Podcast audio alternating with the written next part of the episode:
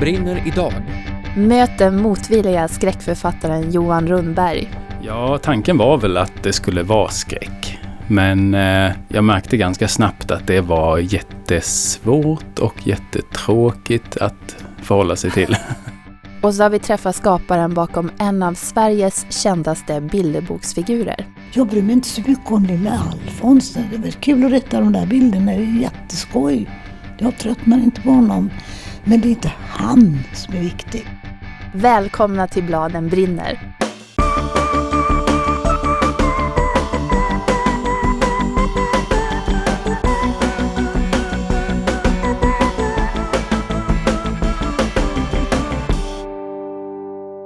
Om någon säger att en bok handlar om helt vanlig vardag, då tycker ganska många att det låter otroligt tråkigt. Men du och jag Johanna, vi blir typ blinkande hjärtögon-emojis och skuttar glatt iväg till bibblan.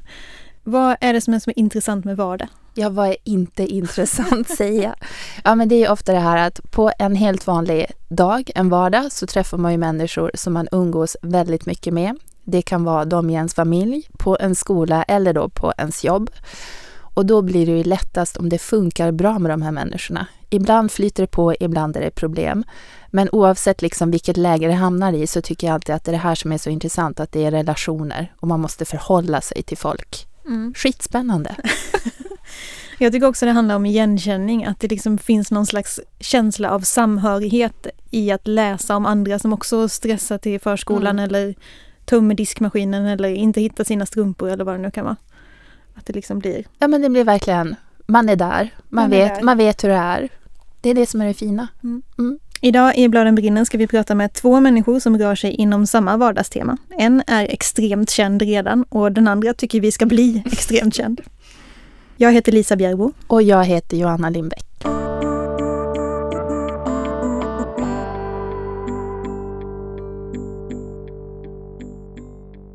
Johan Rundberg har jag tipsat om förut här i podden.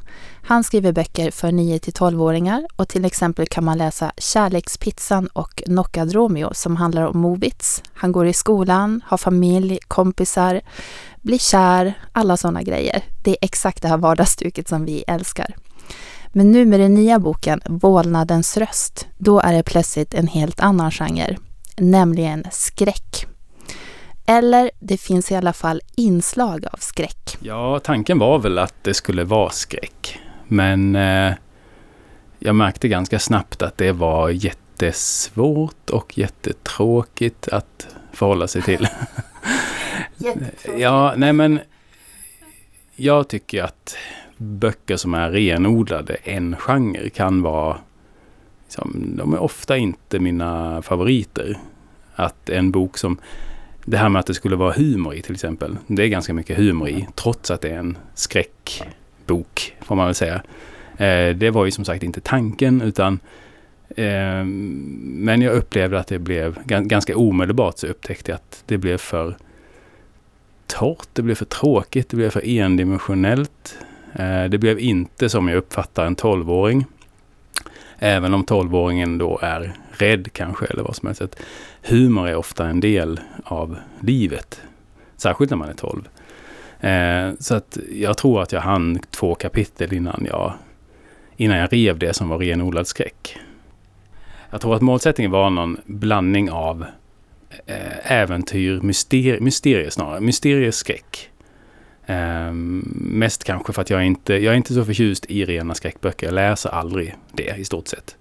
Eh, och de barnböcker som jag har läst som är skräck är oftast, de som jag gillar är något mer i. Det, det finns, det kan finnas en viss form av realism eller eh, ehm, vardag eller vad som helst som är då eh, tydligt beskrivet. Och jag landade ganska snabbt i att de här 12-åringarna som jag skrev om måste ha, det måste vara mycket vardag och det måste vara ganska mycket humor trots att det är otäckt. Jag hoppades ju att det skulle vara otäckt men det visste jag inte riktigt hur, om det blev otäckt. Jag hade svårt att avgöra det faktiskt. Från Movits och Kärlekspizzan till Sebbe i Vålnadens röst alltså.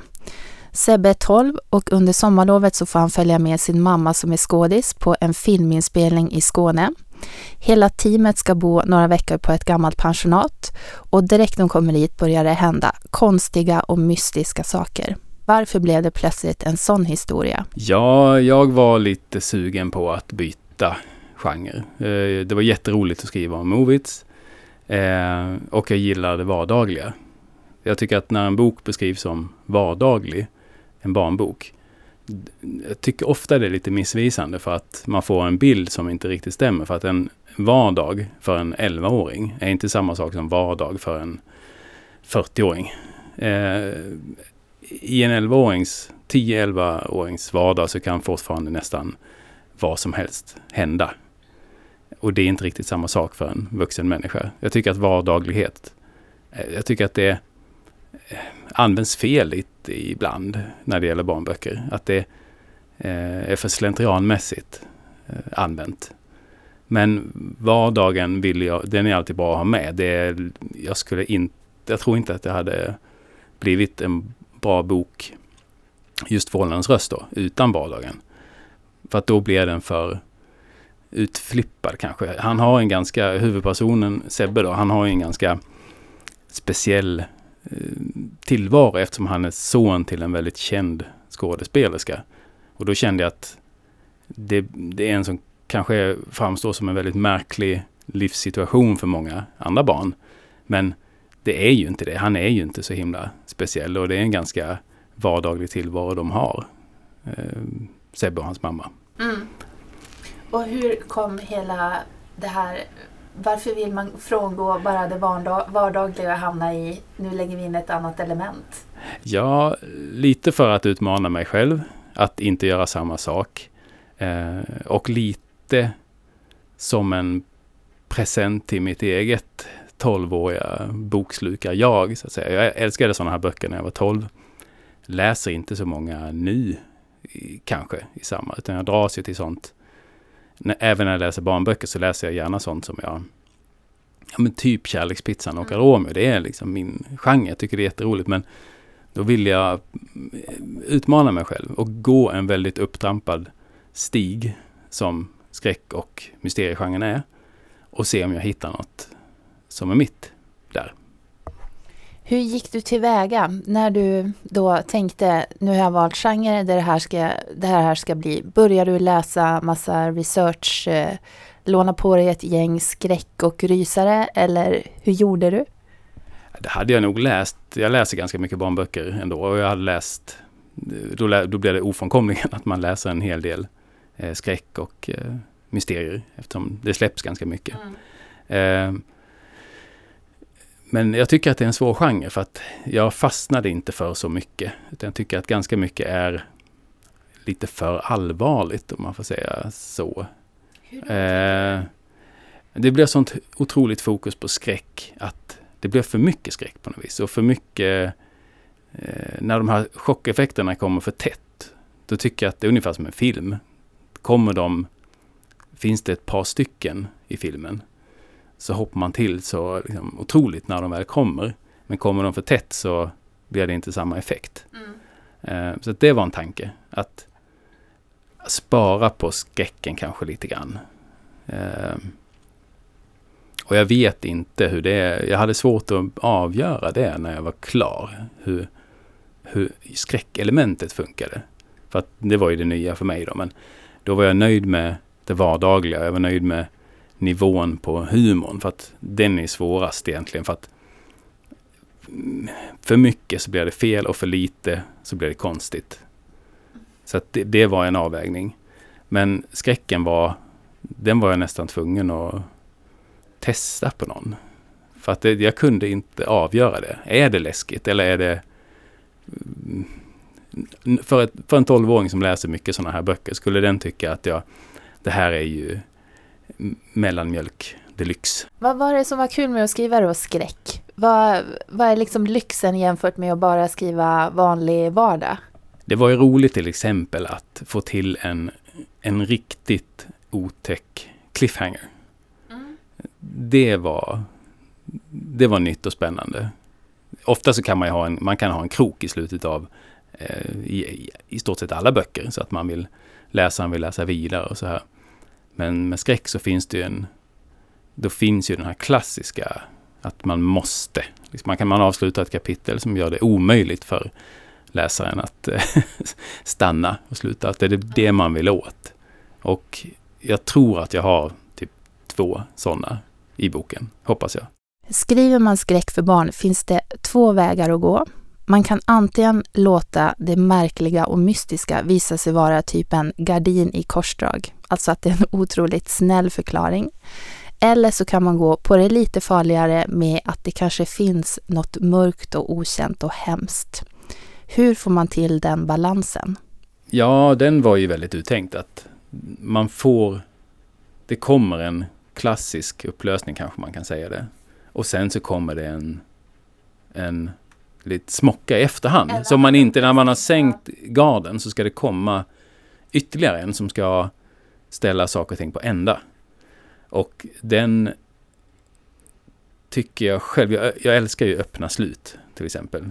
Ett av mina favoritslut, det är, det är ingen barnbok men det är boken Vägen av Cormac McCarthy. Och där går det att tolka slutet som antingen lite hoppfullt eller fullkomligt fasansfullt. Och jag ville åt det lite grann.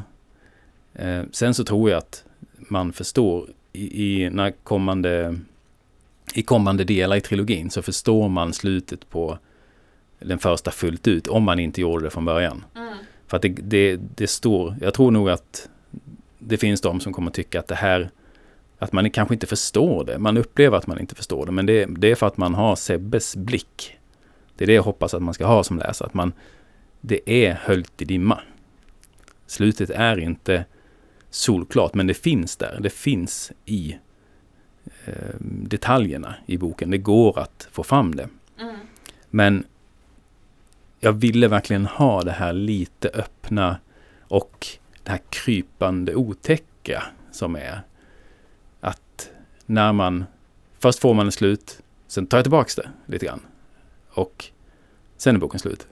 Och nästa del i den här trilogin heter Kejsarens grav och den kommer under nästa vår. Men till dess får man alltså läsa del 1, Vålnadens röst av Johan Rundberg.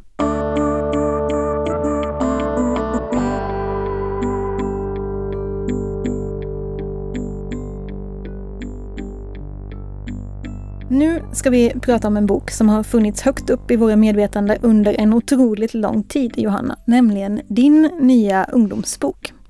Och det är kanske lite konstigt för dig som lyssnar, för vi brukar inte prata om våra egna böcker. Men nu är den äntligen klar och det finns jättemånga saker jag vill veta om den. Så nu kommer vi att prata om den och den heter Karta för förälskade och andra vilsna. Det här är en vardagsnära kärleksbok som man, eller jag, fnissar åt när man läser. Och jag tror inte att det är meningen att den ska vara oförutsägbar eller extremt oväntad eller något spektakulärt formexperiment eller så, utan att den ska vara ord som mysig, rolig, pirrig, kanske härlig. Är jag på rätt spår? Du är på rätt spår. Du gillar de orden? Jag gillar verkligen de orden. En sommarlovs eh, kärleksberättelse med allt det du nämnde. Ja. Det är det det är. Och den handlar om eh, två personer som heter Julia och Rasmus. Vilka är de? De har gått ut nian, båda bor i Stockholm och så träffas de på Dalarö där Julia har en sommarstuga, Rasmus och hans mamma hyr en sommarstuga. Och då, typ första dagen de är där så stöter de ihop nere vid, eller ja, de träffas och så blir det direkt en sån här, som det händer ibland med människor, man börjar prata och det bara är jätte, jättebra. Mm. Väldigt fin stämning. Men då är problemet till liksom att Julia har en kille som hon redan är ihop med. Så sen blir det då det här, hur ska det gå? Hur ska det gå? Ja. Mitt intryck är att du har proppat den här boken bara full med allt du gillar i hela världen. Det råkar bli så. Vad är det här allt? Ja, det har blivit mina två stora grejer, läsa och skapa. Eh, för Julia är en person som läser jättemycket och eh, som jag märker, som jag är och som du är också, så att man hela tiden refererar till böcker. Så när det händer någonting för en själv, då tänker man, åh, men det här är ju exakt som i boken, bla bla bla. Och hon är sån. Hon älskar också att hänga på bibliotek. Som du gör. som jag gör. Cirkulera mellan olika bibliotek och bara tycker om att vara där. Vilket är hennes bästa? Hennes bästa som hon är i boken, då är det på Punkt Medis Som nu har det då stängt för att det renoveras, men det var öppet medan boken utspelar sig. Så där tycker hon om att hänga. Och sen är hon också till exempel på vår sponsor Dieselverkstan. det här låter som att jag har tagit hänsyn till det. Det gjorde jag inte, men hon bor i Nacka. Ja. Eh, och Rasmus, han är en person då som ritar. Och det tyckte jag om när jag var liten. Innan jag började skriva. Men han liksom han ritar, han ska börja estet på Södra Latin och det är väldigt stort för honom att han ska gå just den utbildningen. Mm. Så då håller de bara på att nörda in sig i det här. Det är superhärligt Det att är läsa om. härligt. Ja. Det finns ett annat ämne här i också som du återkommer till jätteofta och det är klass och pengar. Varför dras du till det ämnet? Åh, ja, det, för att det är så mycket som hänger ihop med klass och pengar. Eh, hur, man, hur man är, vad man har för möjligheter, vad man kan göra. Eh, och sen är det här, det är liksom det är ju verkligen en kärlekshistoria först och främst, men övriga konflikter handlar ganska mycket om klass och pengar. Julia har en konflikt med en kompis till exempel som mycket beror på att de har, ja men de lever olika liv för att deras föräldrar har olika yrken och ekonomi och sådana saker. Och med Rasmus är det det här att han då vill gå på Södra Latin, det är liksom inte alls hans kompisars val, hans familj är inte en sån familj och så vidare. Jag tycker bara att det är väldigt intressant det här med men hur tänker man sig sin framtid och hur styrd man är av att man råkar födas på den plats där man Ja. föds. Det är också, de hittar ju någon slags samhörighet för att de har lika lite pengar, de här Ja. två. De är, det är inte så att de är fattiga, det är de inte. Men eh, de har liksom inte det här att de bor i flådiga villor med strandtomter som då till exempel Julias kompisar gör. Utan de här bor i vanliga lägenheter. Mm. Mm. Sen måste jag också fråga, eh, uppmärksamma lyssnare på den här podden vet ju att du i stort sett är besatt av platser där böcker utspelar sig. Och att alla dina andra böcker har utspelat sig i Luleå eller Umeå. Men här hänger de plötsligt omkring på Dalarö en hel sommar. Vad, vad hände? Det är så elakt att du frågar om Dalarö. Men det jag ville ha var helt enkelt, den här är i Stockholm och det är igen då till det här med pengar för att det finns mer pengar i Stockholm. Och här ville jag att det skulle vara liksom ett tema. Och de jag hade skrivit en bok i Luleå och Umeå, det är klart att det finns pengar och klass på de ställena också. Men inte lika tydligt som det finns här i Stockholm. Så därför fick det bli den här staden. Och sen behövde jag bara ett ställe där man kan fira sommarlov. Och då råkade det bli Dalarö. Det var väldigt slumpartat. Det är ändå spännande tycker jag. Ja. Innan du började skriva den här boken så sa du att det här ska bli min enkla bok. Vad menar du med det?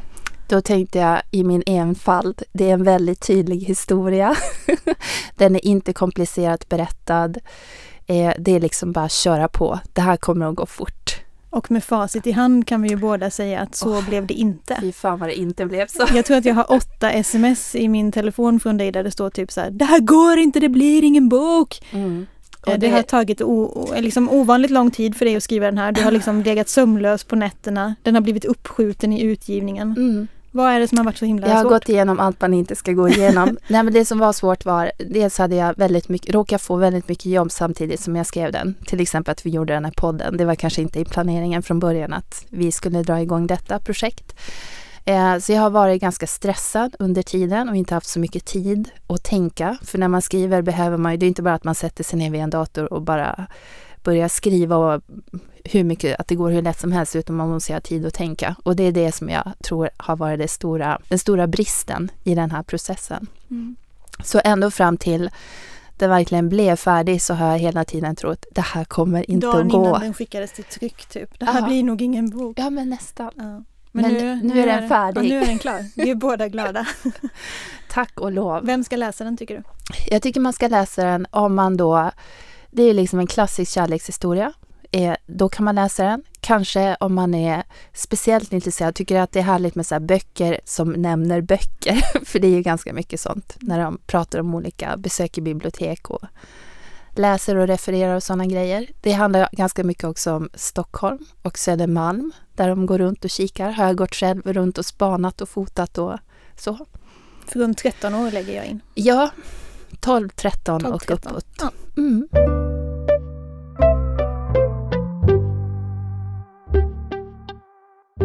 Ofta börjar det med att jag, inte, att jag hör något ärende eller någon grej som retar upp mig då eller som jag går och ältar. Och helt av privata skäl. Man är förbannad på hur jävla enkelt det är. Det här är Gunilla Bergström, en av Sveriges kanske mest välkända bilderboksskapare och kvinnan bakom Alfons Åberg. Vi sitter instängda, eller inlåsta faktiskt, i ett rum som kallas för Röda rummet på hennes bokförlag Rabén och Sjögren. Och Gunilla själv är hes och kan knappt prata tycker hon. Ändå berättar hon gärna om hur böckerna kommer till, var det börjar och hur det fortsätter. Att hålla på med det här med våld. Alltså det här med våld, jag gillar inte. Det är så billigt. Vem sjutton kan inte komma ut med en film eller en bok som handlar om hur man om krig och våld. Det är ju, det är basic, det vet vi ju att det är så. Det har ju varit så sedan man halshögg folk. Man kunde gå ner här i Gamla stan och glo på hur de, häng, de hängda dinglade där. Eller, eh, det var ju folknöje att gå och samlas och titta på döingarna som hade, som hade kapat halsen. Eller ja, de här mm, gamla spelen i gamla romarriket och så. Det vet vi ju, det är ju gammalt det här med våld. Det har vi inte kommit förbi det ännu. Ja, jag tycker det. Och när man vet nu då hur, vilka pengar som tjänas på de här dataspelen när man mejar ner japs och araber och eh, ja, det som är inne just nu då. Va? Bara dödar. Det är kul. Alltså jag förstår, ja, för mig är det lite billigt skulle jag vilja säga. Det är mycket pengar i det, det är det. Ja, då har jag gått och ältat det här med våld och våld. Och då är jag förbannad på det, så jag försöker komma underfund med det. Man måste ju ändå erkänna att människan har ju den sidan.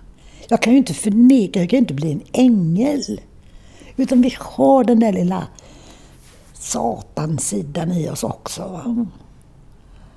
Det vill jag inte förneka. Men man kan ju höja ribban något, en litet snäpp högre än det. Va?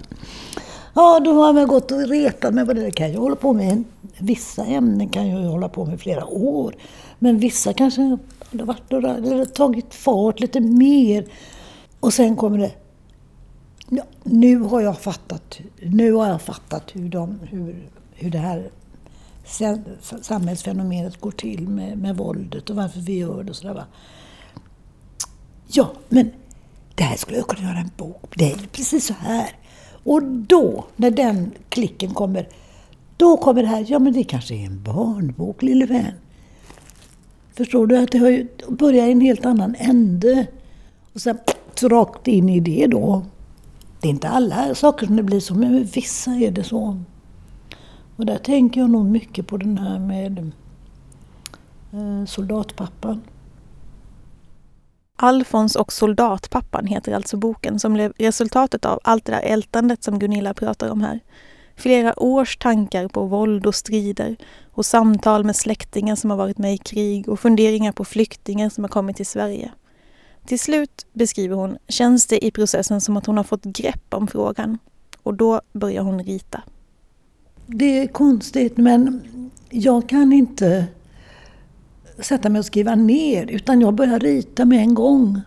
Det kan ju vara ganska litet format och pyttesmå böcker har jag ibland för mig själv. Bara ritar upp sådär. Ja, då, och då kommer den här soldaten in där och då säger jag, nej det där tänker jag inte berätta. Och så skriver jag, det där tänker jag inte berätta. Och så ritar jag lite till på gubben och så går han ut. Och sen kommer pojkarna och frågar, men vi måste ju fråga honom. Ja, då måste jag rita det. Så att jag ritar och skriver. Alltså det går i ett. Men det är ju bara skiss, alltså det är knappt jag själv förstår vilka skiss, vad, det, vad är det på bilden? Det, det, förstår jag ju. Men, men sen måste jag ju rita upp det lite större och planera, men det ska nog vara på den sidan, det kommer för tätt inpå. Det bara rinner fram, det är roligt att rita. Det är verkligen roligt och ännu roligare blir det när man gör collage och får klippa och klistra och lägga in tygsnuttar och rosetter och tapetbitar och vad det kan vara. Det är skoj. Och då tycker man att man har fått monterat bilderna och det är färdigt och man ska troppa iväg till förlaget. Och det är klart, Ja visst, jag skulle skriva ner texten också, det måste jag ju göra. Du vet, då började Nej, det är inte det lättaste. Och det tycker jag egentligen nu är jag färdig. Nej, nej, jag måste skriva. Åh herregud, och det är ett petande förstår du. Med, för det är ju så få rader i en bilderbok. Va? Och hur mycket, jag försöker ju att ta bort och ta bort och ta bort och ta bort så att det ska vara precis bara det som måste stå där. Men det, jag lägger mycket möda på det. Det kanske man inte tror, för det ser ju så lätt ut. Det, det är inte sex rader, vet du. Det är ingenting. Men de sex raderna, ja, de är billiga. Jag är jättenyfiken på den här collagetekniken för du var ju först med det, eh, med att föra in de här små tygbitarna och tapetbitarna som du pratar om nu till exempel. Var hittar du dem? Kan du gå på stan och bara, åh vilken snygg spets? Jag har sett collagebitar över hela stan. Och jag har samlat på mig, jag har lager. Mycket mer än vad jag någonsin skulle behöva. Alltså det kan bli, jag kan fortfarande, Åh det där blir bra kul, det ska jag klippa ur sen. Tänka sen, bara få loss det där. Att det varit roligt att illustrera det är att det har varit mycket pill. För att uppnå de där, det är ju ganska enkla bilder ändå i Alfons, det är ju inga grandiosa saker sådär, storstilade. Eh, de flesta är ju ganska, ja, inte märkvärdiga som bilder. Men eh, när man pillar in då collageinslagen så är det dels för att jag vet, vill att jag vill få in reality. När han, nu, när han nu är en sån knäppskalle som han är till sitt utseende, det är han ju. ja, jo men det är ju sant. Alltså, det finns ju inget barn som ser ut så, utan det är en slags medie... medie ja, ett eh, fiktivt barn kan vi säga att det är. Va? För, att man ska, för att det ska bli verklighet det här som är i berättelsen så måste jag klippa in trafik eller ett höghus eller en fotbollsplan eller en gardin eller något som gör att det fysiskt finns en omgivning. Det finns ju inga rum har jag ju beskrivit för dig på det sättet. Men när det väl finns en fysisk grej så ska den vara fysisk. Alltså, ja, en gardin då, eller en bordsduk eller en tapetsnutt. Men idag så kan man ju göra allt detta på dator, vet du. Gör du det på dator då, eller sitter du fortfarande och... Jag sitter och gnetar mina tejpbitar och klistrar och klipper och limmar. Men eh, det är lite skoj. Jag ska ha utställning nu på, på Akvarellmuseet. Och det är visst fler som kommer efter där. Men det är, det är först eh, i februari, tror jag det börjar. Ja, 2018 i alla fall, på, på våren där. Och, det, och då syns det ibland, vet att det har ju inte varit världens bästa lim och sådär, utan ibland blir det trassel in i bilderna. Nej, men det får man ju stå för. Det har varit skoj så länge man satt och pysslade med det där. Det var roligt och det är väldigt roligt. Och särskilt också att jag, när jag sitter med min första skisskladd till det där embryot till en bok så har jag ganska fort, eller det kommer så fält, så där ska, den bilden ska jag ha med och det ska jag göra och, och det där ska jag klippa in och sådär. Det, det går, bildvärlden är lätt för mig att lösa på något vis. Men sen kommer orden. Alltså, då Men då, har jag, då kan jag ju ladda upp, förstår du. Men jag att jag har tagit ledigt från kontoret och sagt nu får ingen prata med mig på en månad. Ska jag vara i fred där med mitt ritande. Det får jag också då. Eh, så då kan jag ladda upp, vet du, och här ska vara mycket himmel och så ska jag ha det där med vattenklickar och så där. Så jag har massor med klipp på bordet. Vet du, och det, för ambitionsnivån är ju hög. Men du vet, allt eftersom boken tar sig framåt i handlingen så, så blir det utrensat och utrensat och det är inte så många som blir använda sen. Men det börjar med massor på, på ritbordet. Det gör det faktiskt. Ser du Alfons mer som ett eh, redskap för att kunna berätta olika berättelser? Eller är han en karaktär som du har velat följa? Det här är första gången som du har ställt en vettig fråga. Nej, jag menar, det, nu tar jag det från början. Det här är första gången som jag får höra en utomstående ställa en sån fråga. För det är precis så som jag gör. Jag bryr mig inte så mycket om lilla Alfons. Det är kul att rita de där bilderna, det är jätteskoj. Jag tröttnar inte på honom.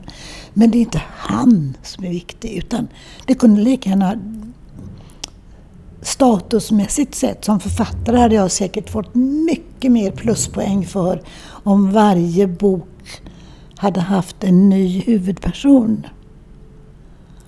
Istället för det här tjatet med att de kom ut som en serie. Och det är ju, serie är ju fult. Det får man ju inte komma ut i helt enkelt.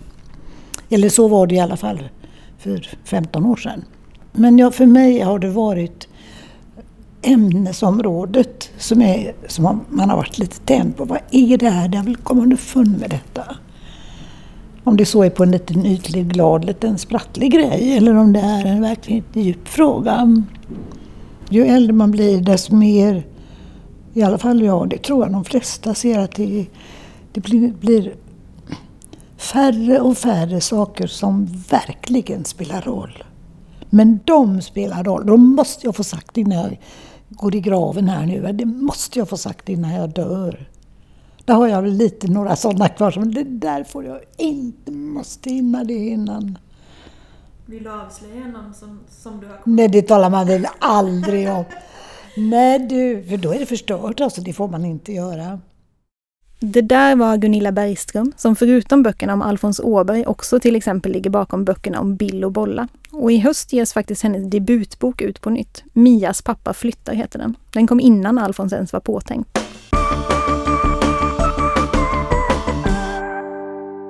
Och nu är det dags för boktips. Och du har gått all in på temat vardag gissar jag? Det har jag verkligen. Jag har en bok som heter Hata Gustavsberg av Agnes Lindström. Och det handlar om en tjej som heter Mirre. Hon går på högstadiet, bor då i Gustavsberg som ligger utanför Stockholm. Och där känner hon sig väldigt fel. Alltså hon är coolare än alla andra där. kan du känna igen den här känslan från sina tonår? Mm. Alla är bara så himla, fattar ingenting och är jättetråkiga. Så att hon är lite så här, vad ska hända i mitt liv? Det måste hända någonting. Och då är hon på en tråkig släktmiddag där hon plötsligt bara mitt i allt hör sig själv säga jag är lesbisk. Och det här bara kommer. Och sen blir det liksom att då börjar hon tänka, men jag kanske är lesbisk, jag måste ta reda på om jag är det. Och det är det boken handlar om helt enkelt. Hennes ska vi säga, undersökning av sin eventuellt nya identitet. Och det här är väldigt mycket, alltså mycket igenkänning, väldigt bra humor. Vi har ju en favorit som heter M, varken mer eller mindre, som vi läste förra året. Mm. Och den här påminner om den boken. I humorn, ja. I mm. humor och liksom den här snartiga vardagsstilen. Och den här är då för lite yngre, så det man kan säga högstadiet. Mm. Men väldigt rolig. Jag tyckte också den var skit. Jag skrattade ja. högt flera gånger när jag läste den. Och en spännande variant på det här temat, vara homosexuell. Eller inte. Ja, precis. Eller inte mm. vara homosexuell. Då tänker jag tipsa om uppföljaren till den här poddens mest frekvent nämnda bok, nämligen En myras liv av Linn Gottfridsson. För nu kommer tvåan och den heter Myran och gåtorna och det är en kapitelbok för fem, sex, sjuåringar kanske som man ska läsa högt är det tänkt. Upp till upp 40, till, ja, 50. verkligen. Upp förbi hundraårsstrecket. Ja. Den passar också perfekt in i det här lilla vardagstemat eh, för den handlar ju otroligt mycket om Myrans vardagsliv. Och här har Myrans föräldrar precis skilt sig så det, i den här andra boken så handlar det ganska mycket om hur han försöker anpassa sig till det här nya varannan veckas livet. Och också hur han tar ett jättestort ansvar för sin pappa framförallt. Mm. För att pappan inte ska känna sig ledsen och ensam nu när han inte har någon som är kär i honom. Och det är så fint som man, man jag, eh, gråter som en stucken gris. Eh, men det är liksom inte en sorglig bok utan de är ju väldigt varma och fnissiga de här böckerna. Och eh, en fest att läsa högt, både för den vuxna och, och barnet som lyssnar. Mm. De är, det är så bra balans i dem. Mm. Mm. Och Johan Rundberg tipsar om? Jag vill tipsa om en bok som heter eh, Balladen om en bruten näsa av Arne Svingen, tror jag han heter, en norrman. Som är, ja den är, det finns bara en sån. Den påminner lite, lite grann om Isdraken av Mikael Engström som är en annan favoritbok hos mig. Men den här är liksom helt fantastisk. Man skulle kunna säga att det är magisk diskbänksrealism. Ja. Att han har, det handlar om en kille som heter Bart som är 12 år och bor i ett nedgånget hyreshus i Norge då med sin alkoholiserade mamma. Och hans bästa kompis är en narkoman som heter Geir. Och han har, han har ett fruktansvärt liv, har han. Men han har en, en otroligt optimistisk livssyn. Och han är jättebra på att sjunga opera. Och jag vet inte riktigt hur jag ska förklara hur bra den är, men det, det är ju hela... Den här personen, Bart, är en av de bästa romankaraktärer jag har läst, tror jag. Han är fantastisk. Och så här sa Gunilla Bergström när jag frågade henne om ett boktips. Jag tänker på när jag själv var 12-13 år och fick höra en skolfröken högläsa varje lördag. Ett kapitel i tur och ordning om eh, kejsaren av Portugalien av Selma Lagerlöf. Det var makalöst. Man förstod att hon var ute och gjorde något fult den där flickan när hon stack iväg till storstan. Och det var något med att pappan mådde inte bra där. Alltså det var, man fick del av vuxna saker som pågick lite där uppe bland de vuxna. Fick man veta redan när man var 12-13 år. Det var härligt. Det glömmer jag aldrig, den boken. Jag läste om den på vuxna dagar. Och nu är vi färdiga för idag. I nästa program kommer vi att prata mer om Lögnernas träd av Francis Harding. Och Lisa, du ska få göra din favoritgrej som tydligen då är att hänga i någons ateljé. Mm. Titta på penslar, prata om färger, nörda loss. Mm. Bladen brinner görs i samarbete med Dieselverkstans bibliotek. Vi har också en lång rad bokförlag som vi samarbetar med och de heter Rabén och Sjögren, Bonnier Karlsen, Alfabeta, Opal, Lilla Piratförlaget, B. Wahlströms, Bergs Bokförlag, Nypon förlag och Natur och kultur. Tack alla ni! Tack också Gustav Edman som har producerat och till Håkan Lidbo som har skrivit musiken. Och glöm inte att du väldigt gärna får gå in på iTunes nu när du har lyssnat och betygsätta Bladen brinner där, för då fattar iTunes galoppen och puttar upp oss lite mer i sina listor.